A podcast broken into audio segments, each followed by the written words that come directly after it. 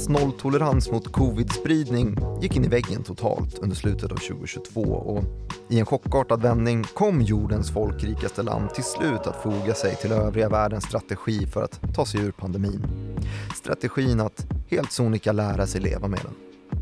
Men lika snabbt som händelseutvecklingen kring de skeenden och beslut som format Kinas nolltolerans-exit skett, lika snabbt kom nya frågor upp när återöppningsjublet lagt sig på börsgolven. Frågorna varslade knappast om en stundande tillväxt för det var frågor såsom hur många dödsfall skulle det krävas i ett Kina så kraftigt eftersatt sett till immunitet mot viruset efter tre år av minimal spridning i Folkrepublikens karantänsvåld. Hur hade det kunnat gå så snabbt att byta fot i Peking och hade protesterna som rullat genom Kina fått en så stark effekt att frihetstörstande demonstranter nu fått råg i ryggen i kampen om att lätta på den alltmer totalitäre president Xi Jinpings fasta grepp om makten? Det här är Follow the Money, en podcast om makt, storfinans och börsen av och med Nyhetsbyrån Direkts utrikeschef Joakim Rönning och såklart IGs marknadsanalytiker Martin Nilsson. Hur, eh, hur mår du Joakim? Bra. Gör du det? Mm. Mm. Äh, ännu en covid-podd. Mm. Det var ett tag sedan, eller? Det var ett tag sedan men det, tror det. det är ju kanske den tolfte. Ja, nej, tolfte. Tjugonde? Nej. Okej. Femtionde. Typ. Åt det hållet. Ja, men nu måste man ju plocka upp den här eh, frågan igen. Varför då? Därför att Kina ska leva med covid som alla vi andra, har man Ja. kommit fram till. Och det kom man fram till i en oerhört oväntad gir i politiken ju. Mm, hur har den sett ut innan? Ganska enkelt att förklara. Ja. Sprid inte covid, för då jävlar. Vad får man för, för påföljder om man gör? Ja, men de har ju, man har, har ju sett bilder på eh, Kinas liksom karantänscentran och hur man aldrig har varit längre än typ 100 meter ifrån närmaste testbås om man har rört sig i en storstad i Kina. Mm. Och till yttermera då de stora karantäner som har genomförts i storstäder som Shanghai har ju varit det allra mest drabbade, den allra mest drabbade staden med eh, ja, men två månaders karantän här i våras till exempel när det var liksom som i en gammal övergiven vilda västern-stad i Kinas största stad. Mm. Det var ju det bra, som bra var- bilder av det.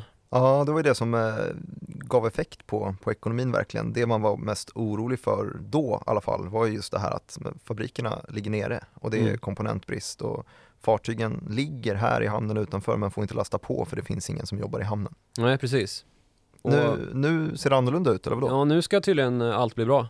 Ja. Och när du presenterade idéer kring vad vi skulle prata om idag så var jag glad att du tog upp det här just. Ja.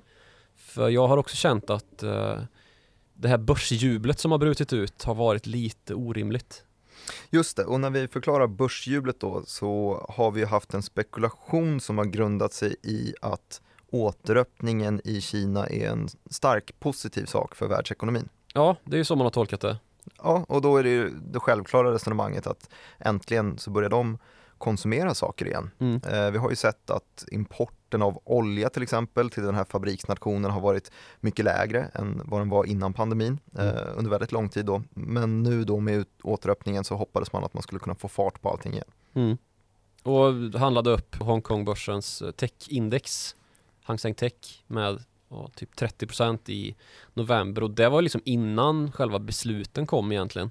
Mm. När det bara började pratas lite löst om att nu håller de på att sätta ihop något råd här, en kommitté, kinesiska kommunistpartiet som ska överinse den här eh, öppningen, att man liksom tar vissa steg som är bort från nolltoleransen. Samtidigt som statsadministrationen själv då var tydliga med att nej, det är inget, inte tal om att vi ska göra exit från nolltoleransen, utan det kommer vara vetenskapligt grundade små modereringar av hur vi har hanterat pandemin tidigare. Just det, de har varit jättehårda med att vi ska hålla kvar i den här samma policyn som vi har hållit i tre Ja, år. absolut. Men eh, nu då som sagt eh, så blev det ändå en, en helt chockartad vändning i det här att staten plötsligt tillkännager då att nej men nu lättar vi. Mm. Och undan för undan så har man ju släppt på restriktion efter restriktion och ja, men allt tyder ju på att man kommer återgå till normal tillvaro. Och det som man glömmer fråga sig då när man handlar upp börsen med 30% i Hongkong är ju just den frågan som vi var inne på när vi började diskutera vad vi skulle prata om i veckans podd, nämligen vad händer i nästa steg? Mm. För det är ju inte så att Kina har samma läge som många andra länder har haft när man har återöppnat och börjat göra lite så pandemi-exit, att närma sig någon sorts normalitetsläge igen. Nej, det här är ju människor som har varit inspikade i sina lägenheter. Insnickrad i Wuhan. Ja, exakt. Vilken trist roman.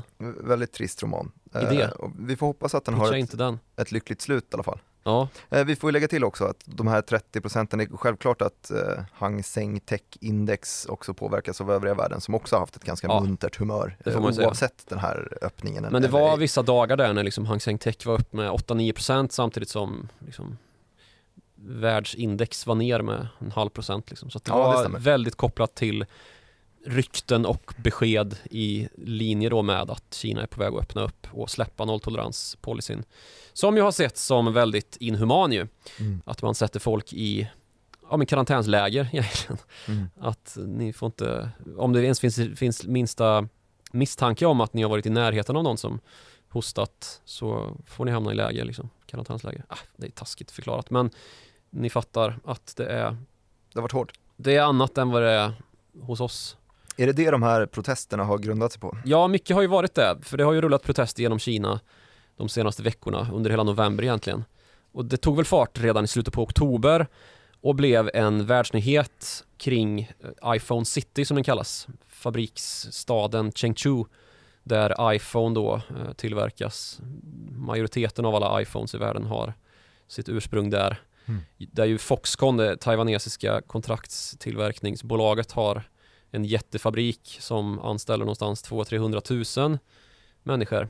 Och många av de här är ju säsongsarbetare, vilket ju gör att de är ganska mobila. Om det skulle vara så att man inte trivs så kan man ju dra hem och ta ett nytt tag med sitt liv. Vilket många gjorde då när smittan bröt ut och myndigheterna införde de här restriktionerna som ju var tuffa. Och då fick vi Ödestad. Ja, inte riktigt ödestad kanske, men vi fick massflykt från Chengdu. Och mycket rubriker i tidningarna då, dessutom när det kopplas till en, eh, ett så viktigt bolag för världsekonomin som ju Apple är, så blir det ju naturligtvis en eh, påverkan på finansmarknaderna över hela världen. Och nu kan vi ju vänta oss då att det blir ett underskott av iPhone, eh, de senaste modellerna, på grund av detta. Är det någonting som Apple har varslat om också? Ja, det har man gjort. Inte klargjort riktigt hur mycket det kommer påverka och Foxconn har ju försökt få tillbaks folk och nyanställa då med löften om bonusar och det har väl gått lite si och så med det också. Det var just en sån bristfällig bonusutbetalning som ledde till de allra största upploppen. När man trodde att man hade liksom stävjat det värsta så, så utbröt ännu värre protester och rena kravaller där man kunde se då kinesiska arbetare slåss med såna här hazmat, eh, uniformerad, alltså hazardous material, ni vet de här vita dräkterna mm på gatorna i Chengdu. Och detta kablades ut och kom förbi viss del av um, censuren i Kina, nätcensuren. Så det nådde ut på kinesiska sociala medier. Inte ens kinesiska censuren är ju så snabb att den kan ta bort allt.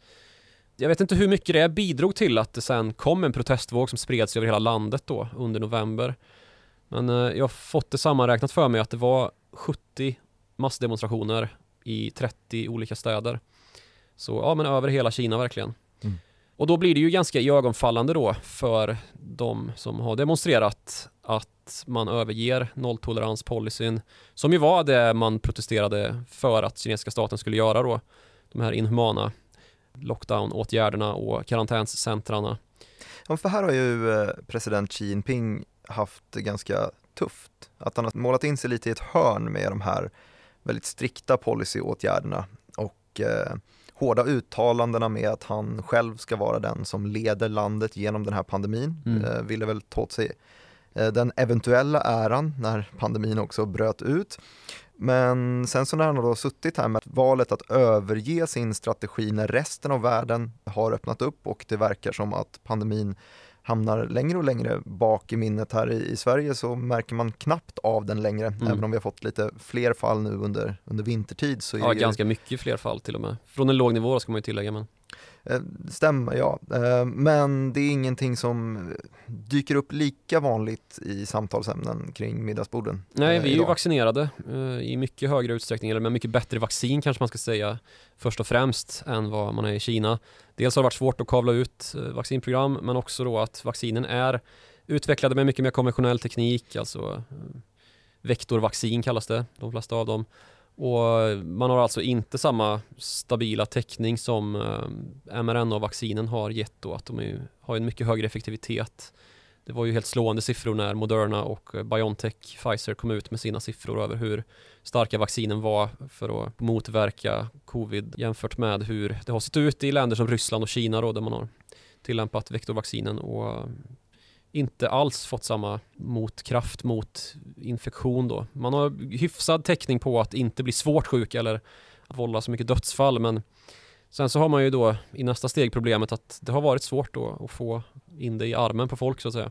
Mm. Det är ju det vi nu får uh, se några månader av uh, skräckscenario framför oss då. Givet att den kinesiska, framförallt åldrande befolkningen har en låg täckning och den stora frågan är ju då, som ju har varit ända sedan vi började prata om det här med att eh, platta ut kurvan, att inte alla ska bli sjuka på samma gång. Just risken då att Kina nu har gått i tre år, inte fått någon naturlig immunisering, alltså immunitet genom att folk har haft covid eftersom att man har suttit insnickrad och då väldigt många nu kommer drabbas samtidigt och riskera att överväldiga sjukvården mm. och kollapsa systemet helt enkelt. Välfärden kommer inte kunna liksom stå emot den kraftiga våg som nu kommer. Jag hade ju en uh, kort utläggning här om president Xi Jinping och hur han var inmålad i ett hörn. Är det en rimlig spaning att göra att under bevakningen av återöppningen här så har det varit väldigt statscentrerat. Alltså när man läser nyheterna på, som kablas ut från, ja, det brukar vara Reuters typ som har bra täckning på det här, eh, så nämner de saker som ja, i Shanghai så kräver mm. man inte längre PCR-test för att få åka buss. Eller i Beijing så behöver man inte längre åka iväg till de nationella karantänscentren utan man kan göra det i egna hemmet. Alltså väldigt just statsadministrativs Eh, fokus på typen av återöppningsåtgärder, alltså att det inte uttalas som om att det är just Xi Jinping som utlovar någonting nationellt utan att ansvaret hamnar på, på städerna. Är det ett sätt för honom att skydda sig? Ja, alltså ja, det kanske det är. Samtidigt ska man säga att det kanske fanns en del tecken på att det skulle gå åt det här hållet redan när man gjorde det här omvalet av Xi Jinping och han fick tillsätta en ny exekutiv kommitté i eh, de som styr egentligen i eh, kinesiska kommunistpartiet för där valde han in då en eh, dark horse i form av Shanghais tidigare ja, förvaltare, ska man kalla det, guvernör eller borgmästare som ju då hade haft den yttersta makten över hur Shanghai, som ju varit den mest drabbade staden, har hanterat covid-karantäner och restriktioner där. Att han liksom tog honom då ifrån Shanghai och satte in honom i Peking-styret istället då kanske varslade om att nu är staten på väg att ta över den eh, viktiga frågan nu och börja så sagt återöppna då för att man såg att nu är det, det här håller ju inte, vi riskerar vår plats i den globala leverantörskedjan, värdekedjan av industriell tillverkning och vi kan helt enkelt inte ha det så här att vi hotar utländskt kapital, utländska företag med att när som helst kan vi stänga ner en hel stad och så kommer inte ni kunna få några varor tillverkade åt er som, som det står på kontrakt. Så de har känt eh, pressen av den här decouplingen som vi har pratat om Det kan nog gånger. vara så, skulle jag tippa på. Och decoupling så menar vi då alltså att man plockar hem fabriker? Ja, precis. Att fabriker som tidigare har stått i Kina och kunnat köras till en högre marginal för de tillverkande bolagen i västvärlden då, Apple till exempel, för att det är billigare arbetskraft och smidigare leverantörskedjor i, i Kina då när man har haft eh, den industriella uppbyggnaden under 30-40 år. Så man helt enkelt genererar mer vinst med lägre kostnader på att lägga sig i Kina. Den rörelsen har ju kanske slagit tillbaka ganska hårt då mot Kina när de här bolagen har dragit öronen åt sig och börjat flytta hem sina leverantörskedjor för att komma närmare sina egna slutkonsumenter då och inte riskera att den administration som regerar i landet där man tillverkar helt plötsligt bara blåser av all tillverkning för att folk ska sitta hemma i karantän. Mm. Det säger ju en del om den politiska risken som finns i Kina och den har ju blivit väl omtalad de senaste kvartalen här. Mm, du, jag har eh, rapporterat om det här lite grann i mina morgonbrev som jag kablar ut och eh, vill nästan dra tillbaks ett par saker som jag har skrivit. Det är nämligen så att jag har refererat till en mängd olika siffror. Mhm. Till exempel har jag plockat från typ Wall Street Journal att det är uppemot eh, 40 000 nya covid-smittade per, per dygn i Kina. Men jag minns tillbaka på utbrottet av pandemin från början och hur man bör nog ta varenda statistikmetod med eh, många nypor salt. För Ja, att på samma sätt som du pratade här i inledningen om att det låg ett testcenter inom 100 meter oavsett var du befann dig i en kinesisk storstad mm. så är de nedstängda idag. Och vad, vad finns det för egentliga möjligheter för Kina att tracka vilka som har blivit sjuka? ja alltså de har ju möjligheter naturligtvis, men frågan är ju dels vad som publiceras och vad som tas in. Det, det är ju svårt att göra den revisionen liksom. Man kan inte nog poängtera hur snabbt det har gått det här heller. För när de första rapporterna kom då att Kina ska överge nolltoleransen så var myndigheterna ute och dementerade stenhårt ju. Mm. Framhävde att nolltoleransen är viktig och visst vi ska göra en del mindre justeringar men det har vi också gjort hela tiden ungefär. Och så vips blir det lite för stort kaos i ekonomin, utländska leverantörer kan inte längre få sina varor som de har beställt och skrivit kontrakt om iPhone City, kalabaliken som sagt, covid-inferno. Och att en internationell press då har lett till den här omsvängningen att överge nolltolerans. Men att det här skett så chockerande snabbt förvånar ju alla alltså. Kina brukar ju inte alls visa den här typen av flexibilitet. Det är ju liksom hela systemet byggt på egentligen. Sen så har vi ju givet läget just nu då en högre beslutsvolatilitet. Vi pratade om det i det här avsnittet vi gjorde om kinesiska partikongressen där eh, Xi Jinping fick sin tredje mandatperiod och beslutet röstades igenom om att han ska få sitta på livstid. Men att saker liksom nu tenderar att urarta så här snabbt då är tecken i den riktningen ändå då. Men frågan är ju om det här har skett för snabbt. Alltså att Kina inte kommer kunna ha koll på smittspridningen, inte ha tillräckligt med verktyg att eh, åtgärda då de smittoutbrott som kommer ske nu. För myndigheterna har ju haft tre år på sig att förbereda sig egentligen på att liksom börja normalisera livet och återgå till en dräglig tillvaro som fanns innan pandemin då. Men det har man inte gjort då eftersom att man strikt hållit linjen i den här nolltoleranspolicyn. Man vill inte se illa ut och framförallt inte i inledningen av pandemin. Liksom man ville ge skenet av att vi har ändå någon sorts kontroll.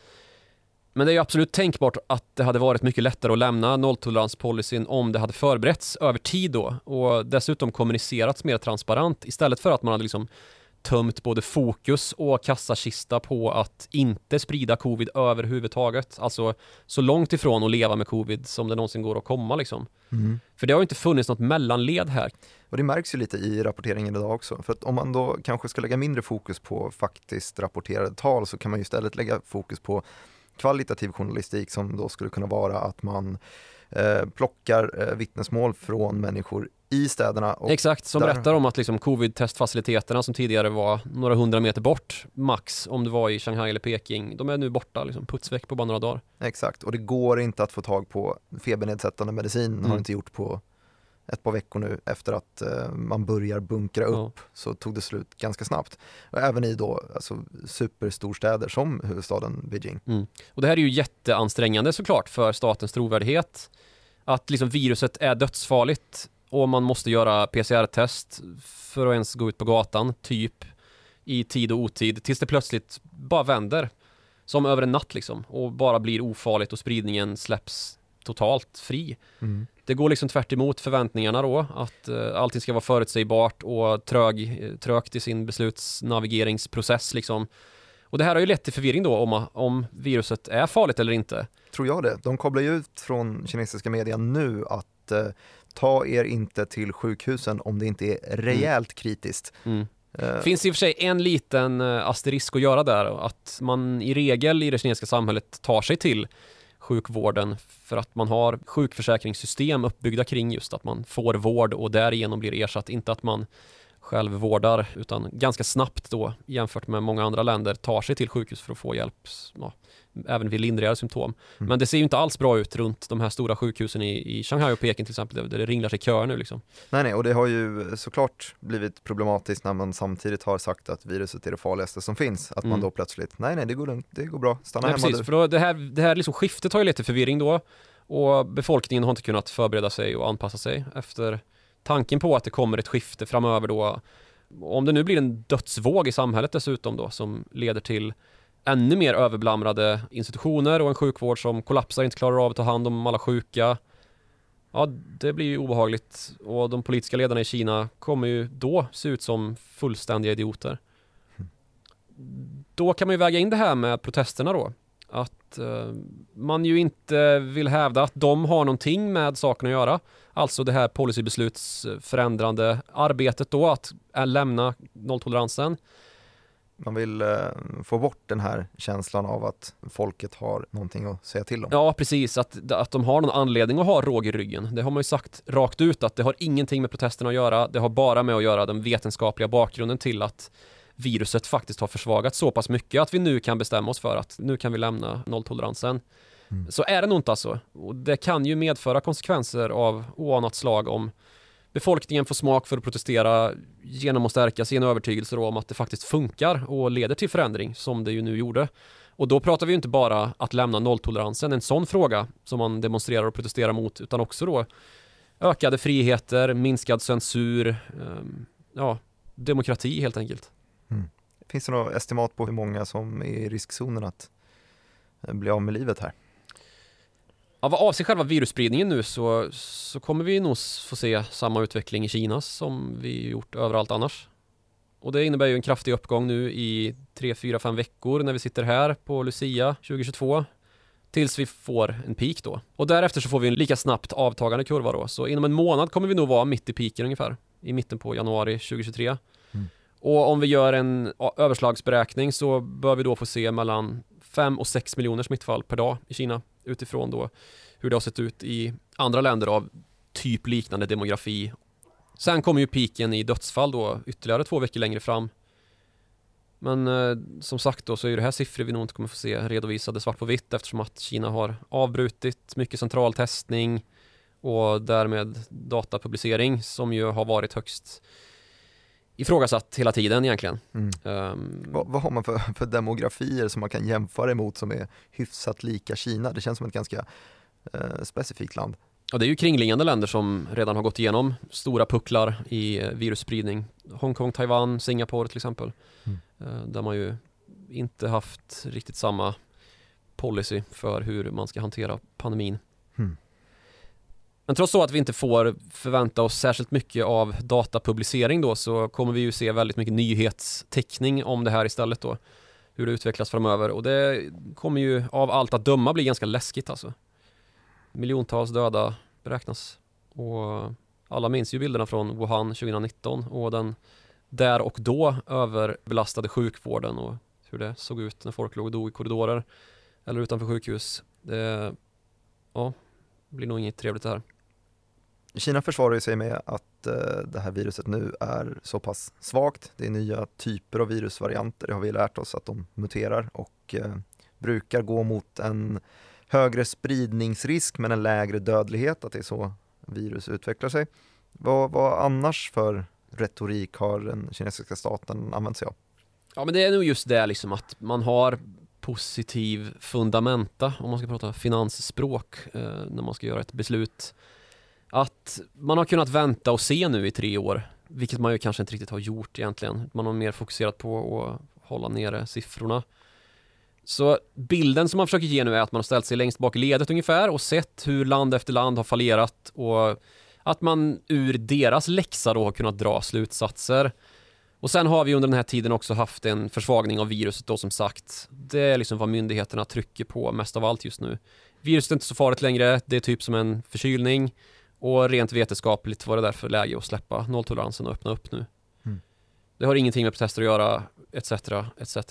Problemet man kan resonera lite om är att Kinas statsförvaltning inte nödvändigtvis bara har protester mot covid att hantera framöver då, utan just protester mot sånt som censur och allmänt missnöje bland yngre kineser. På tal om demografi så har ju Kina en problematisk ställning i sin demografiska karta givet sin ettbarnspolitik och det här är en ettbarnspolitik som ju lett till att Kina har ett skriande behov av att nu tänka om och få tillbaka ett högre barnafödande Vilket inte ser ut att funka riktigt. Och det gör ju också då att sådana här protestvågor som ju i främsta ledet har unga demonstranter som eh, företrädare kan riskera att bli mer extrema i sin övertygelse då när man har samtidigt att brottas med en rekordhög, nära på i alla fall, ungdomsarbetslöshet, en stagnerande ekonomi, en fastighets och tekniksektor i kris. Och vid sidan av det är en digital medborgare som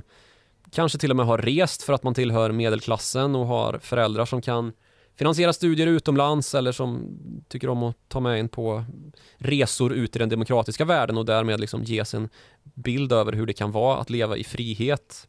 Man behöver inte ha ansiktsmask på sig under fotbolls-VM. Nej, precis. Det är ju en sån intressant uh, liten blänkare som vi har fått här under fotbolls-VM att Kinas sändningar har varit med uh, blurrad publik, alltså att man inte har kunnat se att folk på andra ställen i världen faktiskt inte har ansiktsmask längre. Och när det kommer till demonstrationer och demonstrerande människor så är det ju ofta så att studentrörelser är ganska så starka. Det vet Kina inte minst eftersom att man har Himmelska fridens torgs-protesterna från 1989 i bagaget som ju slutade i att man fick köra över dem med tanks till slut. Och i den här svaga ekonomin som Kina nu ställs inför, den egna interna ekonomin, så har man då tiotals miljoner nyutexaminerade universitetsstudenter som ska söka jobb och som kommer få ställas inför då att kanske inte ha lika stora möjligheter som man har haft tidigare då, eller till och med när man började studera. Men under studieåren fått se då de här jätteviktiga sektorerna för Kinas ekonomiska framfart, alltså teknik och fastighetssektorerna tvärnita och vara djupt försjunkna i kris just nu då med Evergrande, det fastighetskonglomerat som har blivit en följetong och exportstopp för högavancerade chip som stör IT och teknikscenen och som liksom hotar landets ekonomiska tillväxt och många av de sektorer som man har satsat hårt på statligt, inte minst då. Och dessutom, om man ska se på hela världens ekonomi så lider ju den kinesiska industrisektorn ganska svårt just nu av att den globala efterfrågan minskar på kinesiska varor nu när inflationen rasar och räntorna rusar i hela världen. Vilket ju leder till att konsumenterna håller hårdare i sina plånböcker och det är dyrare att ta lån för företag då som vill finansiera investeringar och varuköp. Mm. Så de ungas missnöje är en svår fråga för Xi Jinping. Det kan man säga utan att darra på manschetten och det följer ju några år som han har styrt och dikterat nya lagar som slagit ner på friheter på ett sätt som vi inte sett sedan 80-talet, vilket ju ledde till Himmelska fridens torgsprotesterna. Kinas unga befolkning är ju knappast mindre medveten om sin omvärld idag via internet och sociala medier. Och de har hittat ett sätt att uttrycka sitt missnöje också som verkar kunna ge ordentliga avtryck. Vad tänker du på då? Jag tänker på uh, inte föda barn. Precis, det har ju blivit en rörelse också. No Child Generation-grejen att man, så länge man inte tillåts att ta del av friheter och välstånd på samma sätt som många andra jämnåriga i världen får, så tänker man inte försörja Kina med några nya barn heller. Jag är den sista generationen, rörelsen som sagt. Så man kan ju lugnt säga att det är en, en balansgång som Peking går just nu och att regimen sätts på rejäla prov ganska kort efter att man ju befäst greppet om makten med Xi Jinping på partikongressen, när var det i oktober tror jag. Mm. Och när vi nu ändå kommer tillbaks till lite mer ekonomi så har vi alltså gått från öppning med bakgrund då att man inte har fått arbeta eh, tidigare och nu när vi öppnar dörren och tillåter människor på arbetsgolven så går det snarare mot att man inte kan arbeta för att det är en pandemi som blockerar. Ja, precis. Stökigt. Kan inte jobba någonstans och det är inte så bra för ekonomin hur man än vrider och vänder på det. Även om man handlar upp Hang Seng Tech 30% i november. Just det. Vad, vad ser vi för direkta effekter ekonomiskt där också? Är det samma typer som nedstängningseffekterna, alltså leveranskedjor, industrier eller vad, vad ser du för någonting? Ja, alltså det finns ju uppgifter om att Foxcons grundare och jag vet inte om han är ordförande längre, Terry Goo heter han. Att han då ska ha varit en av dem i det internationella näringslivet, eller som ett, som ett språkrör för det internationella näringslivet som satte press på Peking och sa liksom att Kina är på väg att tappa sin plats som största länken och den viktigaste sammanbindande faktorn för hela världens leverantörskedja då, genom att vara den här gigantiska industrinationen. Att internationella bolag, det internationella kapitalet inte vågar vara i Kina på samma sätt längre på grund av nolltoleranspolicyn. Och att det här ska ha varit en betydande faktor då i att Peking till slut bestämde sig för att äh, men, det kanske är dags att släppa lite på trycket. Och allt är ju absolut inte mörkt med att göra det för Kinas räkning då. För samtidigt som sjuktalen och dödstalen ju naturligtvis blir väldigt, väldigt viktiga i att se hur den kinesiska opinionen hanterar saken och om det blir en ny våg av protester internationellt då sett till hur Kina har hanterat situationen, om det blir massdöd i Kina att man gått då från pendelns ena yttre svängningsläge i total människorättsovärdig karantän till att man släpper allt fritt och ja, men miljontals människor dör. Så finns det ju ganska gott om utrymme mellan de här två extremlägena då om man så säger. Och det är ju att ekonomin i Kina, allt annat lika, kommer förbättras avsevärt nu när konsumtionen kommer igång och en våg av uppdämd efterfrågan släpps loss i landet då. För välståndet i Kina sviktar ju kraftigt. Det är världens näst största ekonomi, men det är inte ett rikt land i nivå med något västland överhuvudtaget. Inte på långt när. Och Kinas ekonomi har ju gått i däck av nolltoleransen och tillväxtsiffrorna har ju sett jättedeppiga ut de senaste åren här. Och det har ju i sin tur medfört då att den eventuella uppståndelse som kan följa nu av ett covid-kaos ändå vägs upp av att ekonomin förbättras och att kineserna på sikt då får det bättre och att Xi Jinping lite längre fram då kan kanske ta hem segern och med hjälp av propagandaapparaten, alltså Kinas alla medier, säga att slopandet av nolltoleransen var genialiskt av den stora ledaren. Han spelar det långa spelet. Ja, igen. precis. Om det inte blir något kaos nu så kanske han rent av kan komma ut på andra sidan här som en vinnare. I det då att ekonomin har förbättrats och när konsumtionen kom igång så blev det starten på en ny vår för den kinesiska ekonomin kan man säga. Mm. Om vi zoomar ut då, vad ser du för risker internationellt? Ja, det är ju kanske de allra, om man ska gå allra längst ut i domedagsscenariot så kommer ju en virusvåg i världens mest folkrika land där man har väldigt låg immunitet kunna leda till att vi får en virusstam som muterar sig till att komma runt immunitet och vaccintäckning och om en sån mutation blir mer dödlig så kan ju det här sluta riktigt illa. Det vore inget kul. Mm. Kineserna har ju på det hela taget inte haft någon exponering mot viruset, som sagt. Det innebär att många kommer smittas och med smittspridning så följer ju mutation av virus. Och det kan ju sluta i ett rent helvete om man ja, ser på den bortre änden av riskskalan. Men 1,4 miljarder kineser har alltså undanhållits viruset i tre år. Och nu ska de liksom ge sitt bidrag till att mutera det här viruset. Och det är ju alla på WHOs, alltså Världshälsoorganisationens största farhåga just nu. Och en rätt obehaglig faktor i allt detta då är att om en månad då när vi prognostiserar att smittpiken kommer vara i Kina då är vi också mitt i det kinesiska nyåret. Och det är ju årets största familjehögtid i Kina. Sammanfaller ungefär med när covid-19 nådde sin peak i Ja, Kina. precis. Och det är ju den absolut viktigaste resperioden i Kina. När alla åker hem till sina familjer och firar nyår. Mm. Det är ju ett guldläge för viruset att sprida sig. Och just då när av allt att döma flest kineser är smittade också. Mm. Men sen så kommer det naturligtvis vara så att man kommer hantera det här eh, lite både var och en till mans men också statligt och sett att det kommer ju utfärdas rekommendationer precis som det gjorde här i, ja, i Sverige. Att liksom, ja, fokus kommer ligga på gå inte ut om du är sjuk. Lite som vi ju alla har i färskt minne bevarat. Att ja, jobba hemma och dylikt. Mm. Den rörelsen kommer ju nu till Kina i ännu högre utsträckning än vad den har gjort tidigare. Att uh, bara för att du kan gå och jobba så ska du inte göra det. Typ. Det är ju om virusmutation då, men sen så finns det ju också mycket att säga om det rent ekonomiska, form av inflation till exempel. Mm, hur skulle den ledgången se ut? Ja, vad säger du?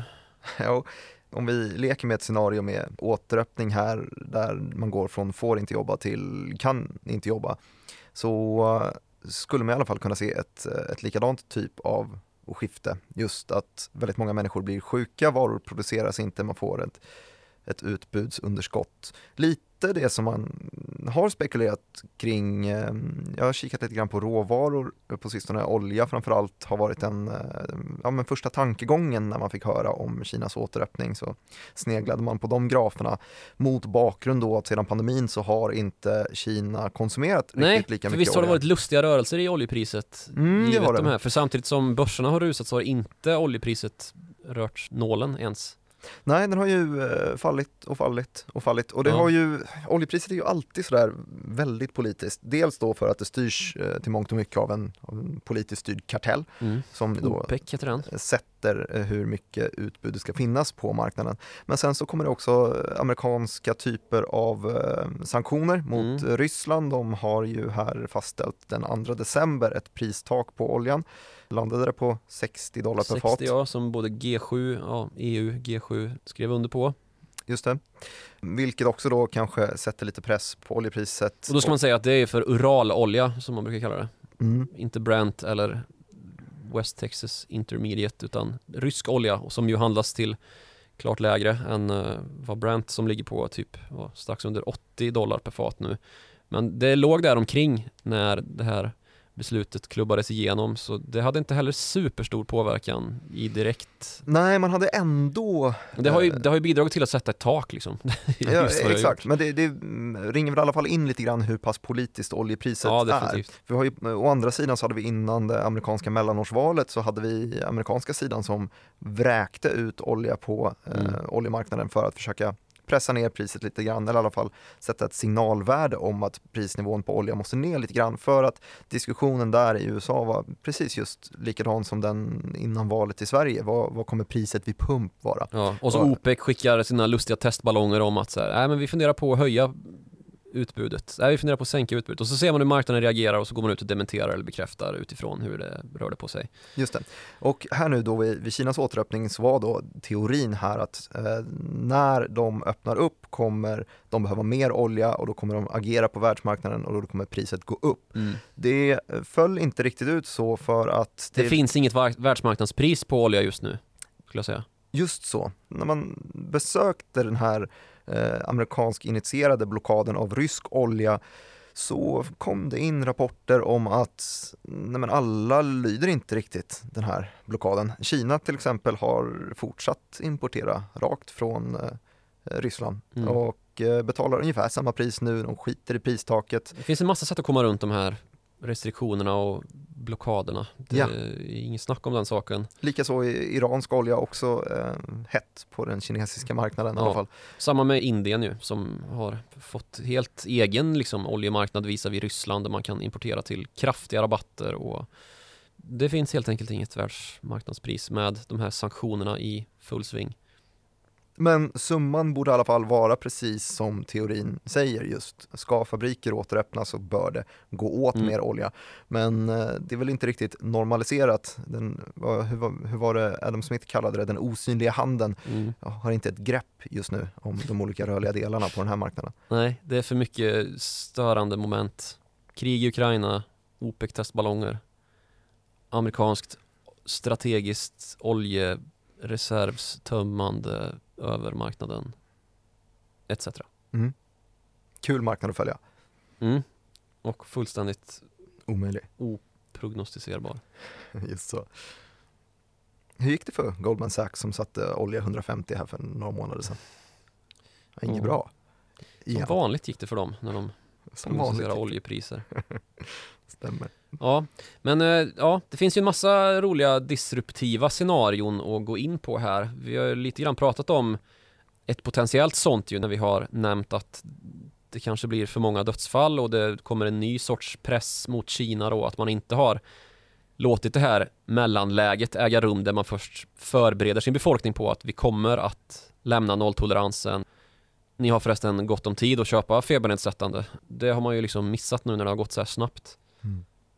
Och om det skulle välta över och vi får nya protestvågor och i slutledet då en så stor demonstrationsrörelse att det faktiskt händer något i Kina så vore ju det inget annat än disruptivt. Men du eh, ser inte att eh, Xi Jinping hänger löst? Nej, det finns för många, eller det är väldigt långt ut på riskskalan om man säger så. Det finns ju väldigt många andra scenarier att ta i akt innan man konstaterar att det är någon överhängande sannolikhet att det ska ske. Att han helt plötsligt tappar makten om folkets befrielsearmé som ställer sig på just folkets sida och vi får en radikal omstöpning av Kina. Dit är det en rätt bra bit. Men det är ändå intressanta rörelser som, som har fått lite råg i ryggen nu den senaste tiden. Men allt annat lika så skulle vi kunna ta i alla fall slutsatsen att blir det en eh, tuffare covid-våg än eh, marknaden har förberett sig på så kan vi se fram emot en, en ny inflationsvåg. Att kanske fraktpriserna inte lyckas hålla sig på de här eh, nu mer rekordlåga nivåerna som vi är tillbaka till och att det kan sprida sig över världen igen och eh, sätter käppar i hjulet för centralbankerna. Ja, vi får väl se hur lång tid det skulle ta då bara. Att man kanske hinner kyla ner inflationen innan det kommer en ny Kanske en välkommen chock. våg när vi ligger i deflationistiskt Precis, scenario istället. När om ett och ett halvt år när vi ligger på minus ja, 0,5% i inflationen. Det där sa jag inte att jag tror. Men... Nej, det har ju varit väldigt spekulativt det här avsnittet, har det inte det? Ja, trevligt. Ja, faktiskt. Vem tror eh, du kommer ta över efter Xi Jinping då när, när han faller här i, i vinter? Ja, vad, vad, har vi för någon? Vad, vad heter Taiwans ledare? Tsai Ing-wen heter hon. Just det, Tsai Ing-wen. Jag tror att hon kommer marschera in i fastlandskina och deklarera att det hela är en provins av Taiwan. det vore kyligt. Uh, jag tror ju på Jack Ma. Alibabas grundare. Precis, han som uh, blev Han återvände från kuvad. husarresten. Ja, han kallade Kinas banker för pantbanker, statliga härliga institutioner tycker Xi Jinping. Ge fan i att kalla dem för pantbanker. Du får förresten inte börsnotera ditt jätte fintechbolag Ant Financial som hade blivit världens största börsnotering någonsin. Mm. Du får istället sitta i någon sorts inofficiell husarrest i typ ett år innan du flyr till Tokyo där han nu sitter och omgrupperar. Är det där han är? Undrar varför. Mm. Ja, varför? Ja, nu sprider vi konspirationsteorier här. Men du, delar du i alla fall bilden om vi drar tillbaka det till det realistiska här att det är ganska underrapporterat hela pandemivågen i Kina. Det är som att medierna är ganska mätta på covid, läsarna lika så och det underrapporteras och marknaderna är inte alls beredda oh. på den här Jättekonstig rapportering faktiskt. Nästan och, psykotiskt dåligt liksom slutledstänk. Det är ingen Alla som skriver om det. Alla blev så lättade av att nu ska de nu blir allt bra i Kina, nu ska de överge nolltoleranspolicyn. Men sen då liksom? Det känns väldigt underetablerat att överhuvudtaget titta närmare på det och um, dra några som helst slutsatser. Vilket nu har börjat göras lite grann då, att man börjat, börjat liksom fundera på vad, vad händer då om ändå kinesisk sjukvård blir överväldigad? Vad händer om industrin som nu ska öppna upp inte kan öppna upp på grund av att alla är sjuka eller rädda för att bli sjuka eller om det blir en gigantisk dödsvåg. Hur kommer liksom det internationella kapitalet, den internationella politiken ställa sig till det? Det vet vi att liksom affärsidkare jagas med blåslampa i ESG-frågor, alltså hållbarhetsfrågor gällande hur de hanterar sina leverantörskedjor just då det är ju ett högst troligt scenario i det läget att vi får se stora dödstal att det kommer problematiseras vilka bolag det är som har produktion i fabriker där arbetarna utsätter sig själva för stor smittrisk. Liksom. Så du gräva upp alla artiklar från 2020? När... Jag bara återpublicera alltihop. Ja. Så absolut, det har varit mycket svårare att hitta nyheter om det här eller liksom analyser om det här på lite längre sikt om man sovrar i flödet, vilket jag ju gör särskilt där i början när det började pratas om återöppning, då var det inte alls problematiserat vad det skulle leda till med en befolkning på 1,4 miljarder där typ ingen har haft covid i egentlig mening. I alla fall inte jämfört med hur det ser ut i övriga delar av den industrialiserade världen. Så det här blir ju en huvudfråga här under vintern hur det egentligen går i Kina. Mm. Så får man väl hoppas att det går väl naturligtvis. Det är väl lite det här att eh, ekonomin orkar bara hålla koll på, på en sak åt gången. Ja, det finns liksom det... några huvudfrågor som man hela tiden fokuserar på. Och just nu är det inflationen som är i fokus. Ja, i högsta grad. Och man kan väl konstatera att nyhetsflödet är ganska dumt på det här sättet, liksom att man går från den ena ytterligheten till den andra. Under lång tid så var deflationen den stora talepunkten, liksom, hur ska vi komma till bukt med deflationen? Sen så vände det på en femöring och blev, hur ska vi ta itu med inflationen? Här blev det hur ska vi ta itu med Kinas nolltolerans? Och nu blir det istället i nästa led då, oj, hur ska vi ta itu med Kinas helt fria smittspridning av covid-19 istället liksom. Det, ja. Kontrastrik tid vi lever i med hög volatilitet både i nyheter, finansmarknader och politiska beslutsfattarhjärnor. Mm. Så, känner jag mig klar för idag. Mm. Om eh, ni känner er klara för idag, eller om ni inte känner er klara för idag, så mm, kan man göra sin åsikt hörd. Kontraster där med. Ja, Mm. på uh, followthemoney.direkt.se. Mm. Eh, Läste du mitt morgonbrev i morse? Självklart. Härligt. Det, det där som man kan nå på ig.se morgonrapport. Just det var det faktiskt jag läste. Ja, vad bra. Härligt att du hänger med mig här. Anledningen till att jag tar upp det nu är ju just att man kan eh, anmäla sig till ett live trading event. Eh, det stod allra längst ner i morgonbrevet. Jag ska moderera och så ska det vara en gubbe på scen som heter eh, Lars Hansson som handlar live och det kommer köras i Malmö, i Göteborg och i Stockholm i slutet på januari. Så vill man eh, vara med där så får man först och främst prenumerera på morgonrapporten och så går det att anmäla sig därigenom. Ja. Ja. Vi jag ska också ju såklart nämna våra Twitter-adresser. Just det. Vad är din? Snabel Joakim Ronning. Vad är min? såklart. Martin Nilsson IG. Ja, Ja. bra. Tack för att ni hängde med den här veckan. Vi hörs igen eh, om en vecka.